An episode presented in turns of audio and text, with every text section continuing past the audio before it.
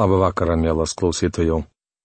Šiandien keliausime toliau Biblijos puslapiais. Senojų testamentų vis dar esame pranašo Ezechielio knygoje. Šiandien su jumis po maldos apžvelgsime 33 skyrių. Dangiškasis tėve, mes dėkojame tau už dar vieną dieną, kurią tu mums dovanojai, už laisvę ir ramybę šalyje, kurioje mes gyvename, už šventąją knygą, kurią tu išsaugojai ir kurią mes galime atsiversti kiekvieną dieną kaip dvasinį maistą mums tikintiesiems. Dėkojame tau, dangiškasis tėve, kad kurį laiką galime studijuoti pranašo Ezekėlio žodžius, kuriuos tu savo dvasios pagalba įdėjai į to pranašo lūpas, kad jisai įvykdytų tai, ką tu jam paliepiai.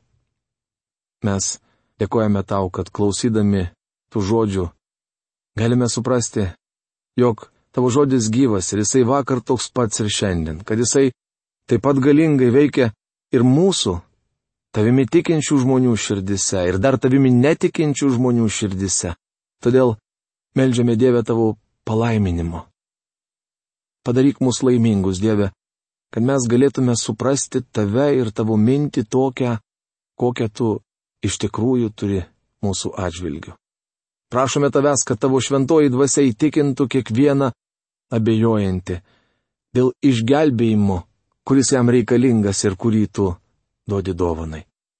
Ir prašome viešpatė, kad mes nebūtume kaip Izraelio tauta šios kiriaus pabaigoje, lyg ir norintys klausyti tavo žodžius, lyg ir besidžiaugiantys tuo, ką išgirstame. Bet ta žodis nekaip neprilimpa mūsų praktinėme gyvenime. Dieve, apsaugok mus nuo tokio pasivumo ir padėk, supratus tinkamai, pritaikyti šitą žodį šiandien savo gyvenimuose. Pameldžiame viešpaties ir gelbėtojo Jėzaus Kristaus vardu. Amen.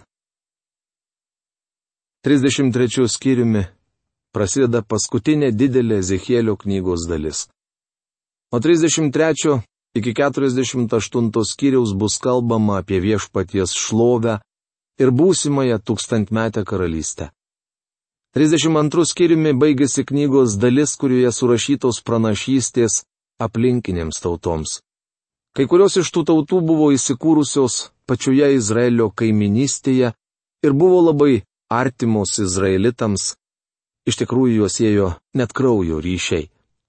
Pranašystės, kurias skaitėme anksčiau, buvo paskelbtos prieš Jeruzalės sunaikinimą. Dabar pradedame kitą pranašiškos knygos dalį, kurioje surašytos Ezekėlio pranašystės buvo paskelbtos po Jeruzalės žlugimo. Ezekėlis vėl kalba apie Jeruzalę ir Izraelio kraštą, tačiau dabar stengiasi perduoti kitokią žinę. Iki 25 šios knygos skyriaus užrašyti visi jo veiksmai ir žodžiai bylojo apie būsimą Jeruzalės sunaikinimą. Dabar miestas sunaikintas. Viskas įvyko tiksliai taip, kaip buvo sakęs pranašas. Nuo šiol Ezekėlis kalbės apie būsimąją tūkstantmetę karalystę, kai viešpatie šlovė žemėje vėl bus regima. Taigi ši knygos dalis yra labai įdomi. 33 skyriuje rašoma, kad Dievas atnaujina Ezekėlio įgaliojimus ir pagiria už tai, kad iki šiol pranašas gerai atliko savo darbą. Nuo šiol jam reikės pranašauti tremtiniams ir raginti juos gyventi ateities viltimi. Anksčiau šie tremtiniai dėl savo nuodėmių neturėjo jokios vilties. Tačiau Ezekėlis regi būsimąją Izraelio vaikų viltį. Šiandien tikintieji taip pat turi vilti. Jos pagrindas nėra žmogiška veikla ar psichoanalizės pasiekimai. Šiandien mūsų viltis ne filosofinė. Ji pagrista Dievo žodžiu ir tuo, ką jis yra pasakęs apie ateitį. Jei Izraelio laukia tūkstantmetė karalystė, tai mūsų naujoji Jeruzalė. Ji yra šiandienos tikinčiųjų viltis. Dievas atnaujina Ezekėlio įgaliojimus. Mane pasiekė viešpaties žodis. Ezekėlio knygos 33 skyriaus pirmą eilutę. Ši frazė Ezekėlio knygoje kartojama daug kartų, tarsi sklistų iš užstrigusios plokštelės. Pranašas mums nuolat primena, jog skelbia ne savo teorijas ir idėjas, bet viešpatie žodį. Žmogau, kalbėk savo tautos žmonėms ir sakyk, kai siunčiu kalaviją į kurį nors kraštą, to krašto žmonės paima vieną vyrą iš savo tarpo ir paskiria sargybiniu. Pamatęs kalaviją, atžygiuojantį į kraštą, sargybinis privalo pūsti ragą ir perspėti žmonės. Ezekėlio knygos 33 skyriaus 2-3 eilutės. Dievas atnaujina įgaliojimus, kuriuos buvo davęs Ezechieliui jo tarnystės pradžioje. Jis prilygina šį vyrą miesto sargybiniui. Anuomet daugelį strategiškai svarbių miestų juose gynybinės sienos. Valdžios atstovai paskirdavo sargybinius, kurie turėdavo visą naktį būdėti ant miesto sienos ir stebėti, ar nesiartina priešas. Įsivaizduoju, jog neižvelgdamas tamsoje nieko įtartina, sargybinis kas valandą šūktelėdavo. Viskas gerai. Įdomu tai, kad netikri pranašai kartojo. Viskas gerai. Nors artinosi priešas. Jie buvo akli ir jo nematė.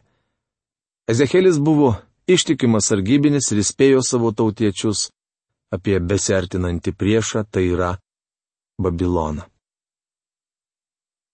Jei pamatęs, atžygiojantį kalaviją sargybinis nepučia rago ir žmonės neperspėjami, o kalavijas ateina ir atima kurio nors iš jų gyvastį, tai tas žmogus nužudytas dėl savo kalties.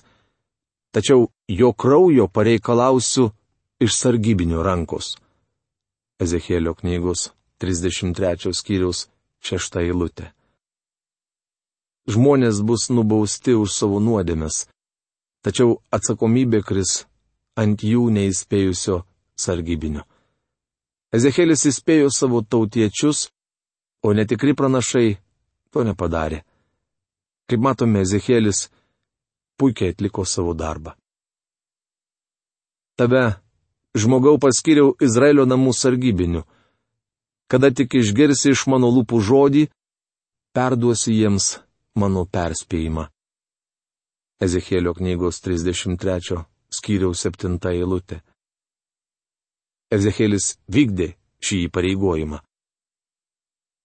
Jei tariu nedoreliui, nedora žmogau, tu turi mirti, o tu nekalbėsi, kad įspėtum nedorelį mesti savo kelią, tai tas nedorelis tikrai mirs dėl savo kalties.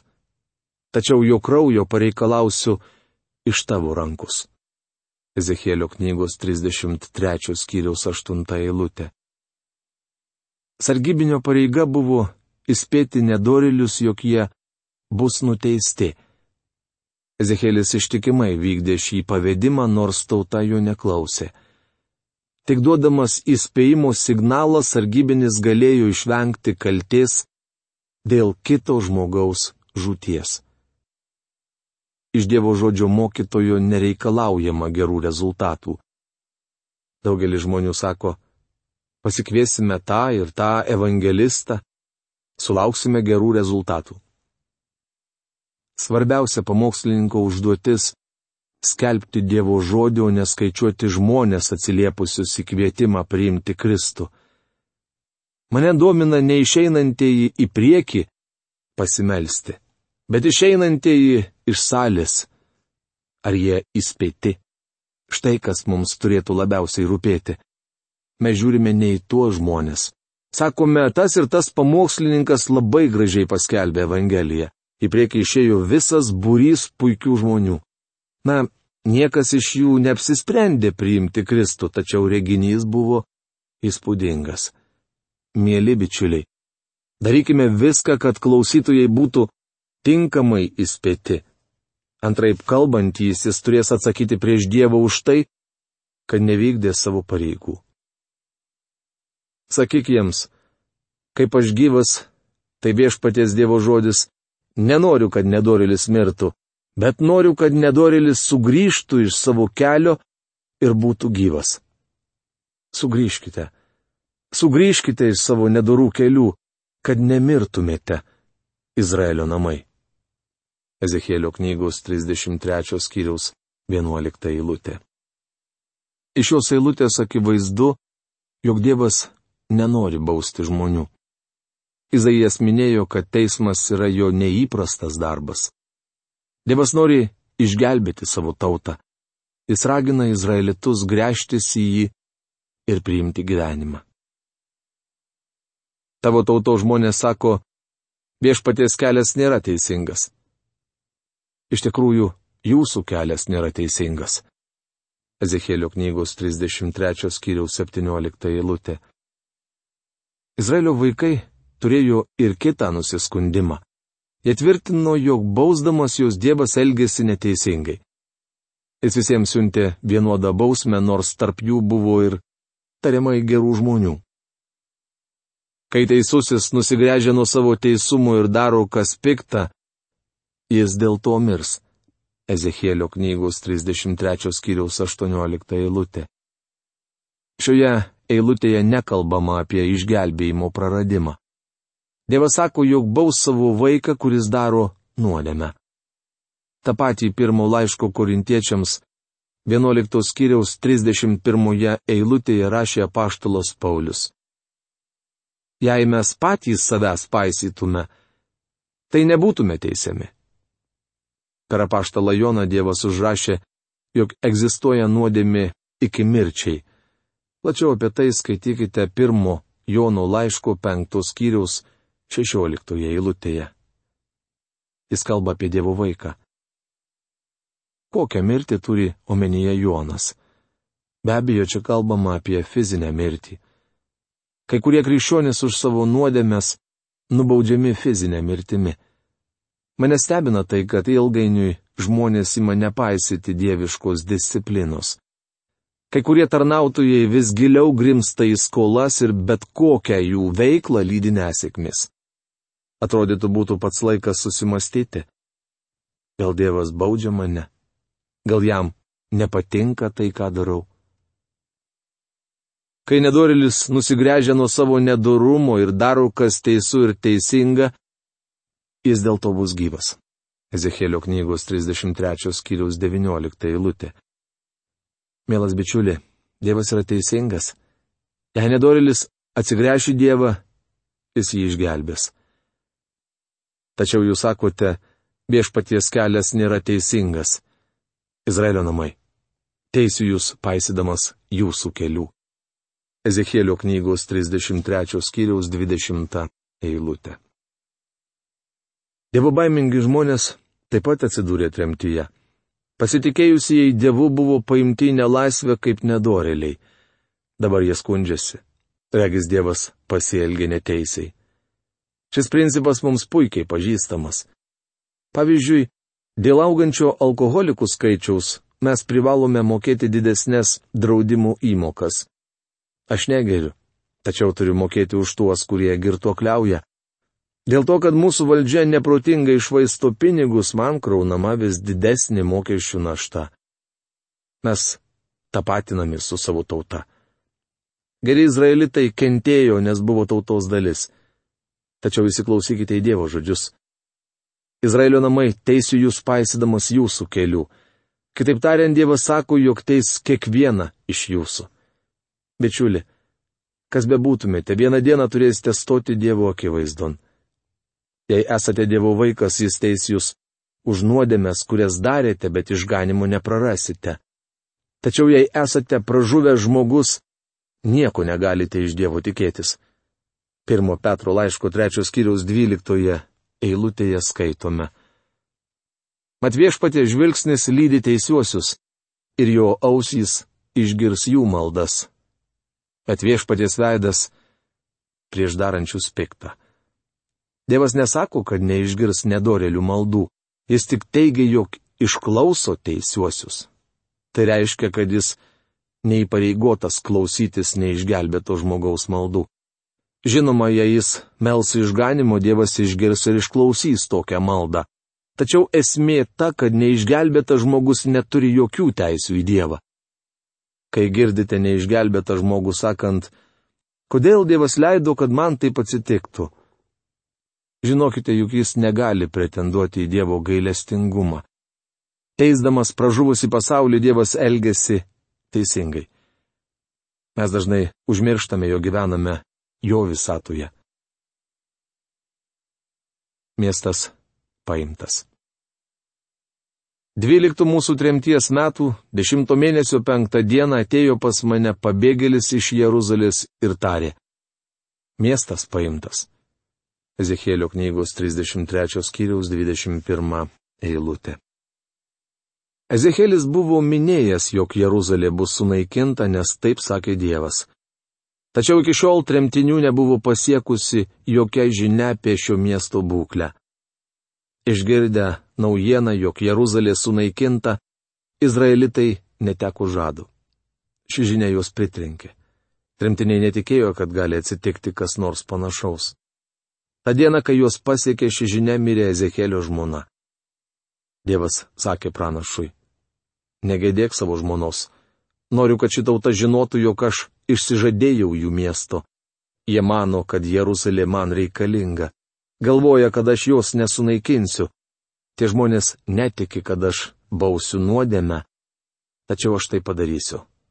Taigi neraudok savo žmonos. Te sužino tavo tautiečiai, kad šiuo metu Jeruzalė greunama dėl jos gyventojų nuodėmių miestas paimtas. O viešpaties ranka buvo mane palietusi vakare prieš pabėgėlių ateinant. Jis buvo atvėręs man burną prieš pabėgėlių ateinant rytmetį. Taip mano lūpos buvo atvertos ir nebebuvau daugiau nebylys. Ezechielio knygos 33 skyriaus 32 eilutė. 24 skyriaus pabaigoje skaitėme, kad Dievas pranešė Ezechieliui, jog krūvinas Jeruzalės miestas bus sunaikintas. Nuo 25 iki 33 šios knygos skyriaus Dievas nebekalbėjo apie Jeruzalę, bet pranašavo apie aplinkinės tautas. 33 skyriuje Dievas Ezechieliui vėl leidžia prabilti apie Jeruzalę. Jis sako, Ezechieli, turiu žinių apie šį miestą. Mane pasiekė viešpatė žodis. Žmogau, anų išgriautųjų vietų Izraelio žemėje gyventojai vis sako, Abraomas buvo tik vienas, tačiau paveldėjo kraštą. O mūsų yra daug, tad tikrai kraštas duotas mums, kad jį paveldėtume. Ezekėlio knygos 33 skyriaus 23-24 eilutės. Izraelitai prisimena, kaip Dievas rūpinosi Abraomu. Jis buvo vienas, o jų nepalyginti daugiau. Taigi jie tikėjosi, kad Dievas panašiai pasirūpins ir jais. Izraelitai nesusimastė apie tai, kad jie labai skiriasi nuo Abromo.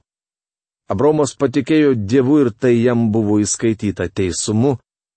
Tuo tarpu šitauta Dievu netikėjo. Todėl sakyk jiems, taip kalba viešpats Dievas. Jūs valgote mėsą su krauju keliate akis į savo stabus ir praliejate kraują. Nejau jūs paveldėsite kraštą. Ezekėlio knygos 33 skyriaus 25 eilutė. Dievas jiems sako, aš neleisiu jums gyventi tame krašte. Iškeldinau iš tenai stabmeldžius pagonis, nes jie buvo baisūs nusidėjėliai. Dabar jūs sekate jų pėdomis. Kraštą paversiu tuščiais tyrais, ateis galas jo išdidžiai galybei. Izraelio kalnai bus taip nuniokoti, kad nebus nei vieno, kas po juos vaikščiotų. Ezekėlio knygos 33 skyriaus 28 eilutė. Izraelio kraštas man tiek žavesio, kaip kai kuriems mano kolegoms tarnautojams nekelia. Apsilankius tame krašte juos apima ekstazė. Kartais tie žmonės ima elgtis taip, tarsi būtų apsisvaiginę narkotinėmis medžiagomis. Jie džiūgauja. Argi nenuostabu savo akimis regėti šį kraštą? Noriu pasakyti jums, kad tas kraštas labai apleistas. Virš jo tebekybo dievų bausmė. Tame krašte stinga vandens. Užtektų jį gerai palėti ir jis pražystų lyg rožė. Deja, jis negauna pakankamai vandens. Tai didžiausia Izraelio gyventojų bėda. Dievo bausmė ištikusi ne vien tautą, bet ir kraštą. Žinok, žmogau tavo tautiečiai išnekasi apie tave pasieniais ir tarp duriuose. Jie sako vieni kitiems, eime pasiklausyti naujausio žodžio iš viešpaties. Ezekėlio knygos 33 skyriaus 30 eilutė. Žmonės sukrėsti ir pasirengę klausytis Ezekėlio, tačiau jų ketinimai nėra nuširdus. Jie ateina pas tave, kaip ateina žmonės. Jie sėdi prieš tave, kaip sėdi žmonės, ir klausosi tavo žodžių, bet jų nevykdo, nes melas jų lūpose, o jų širdys trokšta tik naudos. Ezekėlio knygos 33 skyriaus 31 eilutė. Iš pirmo žvilgsnio atrodė, kad jie grežiasi į viešpatį. Žmonės norėjo išgirsti, ką kalba viešpats, bet neketino jam paklusti. Šiandien taip pat yra žmonių, kurie ateina į bažnyčią tik tam, kad pasiklausytų įdomių ir sklandžiai perteikiamų pamokslų. Iš sakyklos skambanti žinia jų gyvenime neranda atgarsio. Apaštalas Jokūbas savo laiško pirmos kiriaus 22 eilutėje rašo: Būkite žodžio vykdytojai, o ne vien klausytojai, apgaudinėjantys patį save. Dievas apie tremtinius izraelitus kalbėjo, jie klausosi tavo žodžių, bet jų nevykdo. Tikėk manimi, tu jiems lyg meilės dainų dainius turintis gražų balsą ir įgudęs groti, jie girdi tavo žodžius, bet jų nevykdo. Bet kai tai įvyks, tikėk manimi, tai įvyks, jie žinos, kad tarp jų buvo pranašas. Ezekėlio knygos 33 skyriaus 32-33 eilutės. Dabar, kai Ezekėlio žodžiai išsipildė ir Jeruzalė sunaikinta, žmonės žinojo, jog jis yra tikras Dievo pranašas. Tačiau izraelitai nenorėjo paklusti, nors ir įsitikino, kad Ezekėlis kelbė Dievo žodį. Bičiuli, netikėjimas yra valios aktas. Laisvos valios. Žmonija nepriima Dievo žodžių ne todėl, kad yra pernelyg išprususi. Tikroji bėda ta, kad mes nenorime palikti savo nuodėmių. Ši problema buvo būdinga ir žmonėms, kuriems tarnavo Ezekielis. Jie noriai ėjo pas pranašą ir klausėsi, ką jis kalba. Tačiau Ezekėlio žodžiai nedarė jiems jokios įtakos. Atrodytų dabar Izraelio tauta turėtų atsigręžti į Dievą, dėja taip nebuvo. Dievas sakė Zecheliui, neapsigauk. Nors tie žmonės ateina pas tave ir klausosi tavo žodžių, jų nevykdo. Jie nėra žodžio vykdytojai. Žmonėms patinka, kai tu kalbė apie meilę ar šviesę ateitį, tačiau tavo pranašystės neranda atgarsio jų gyvenime. Jie tebėra toli nuo manęs. Ezekėlis vienintelis sakė, kad Jeruzalė bus sunaikinta. Visi netikri pranašai kalbėjo visai ką kitą. Pranašo žinia pasitvirtino. Jeruzalė sunaikinta.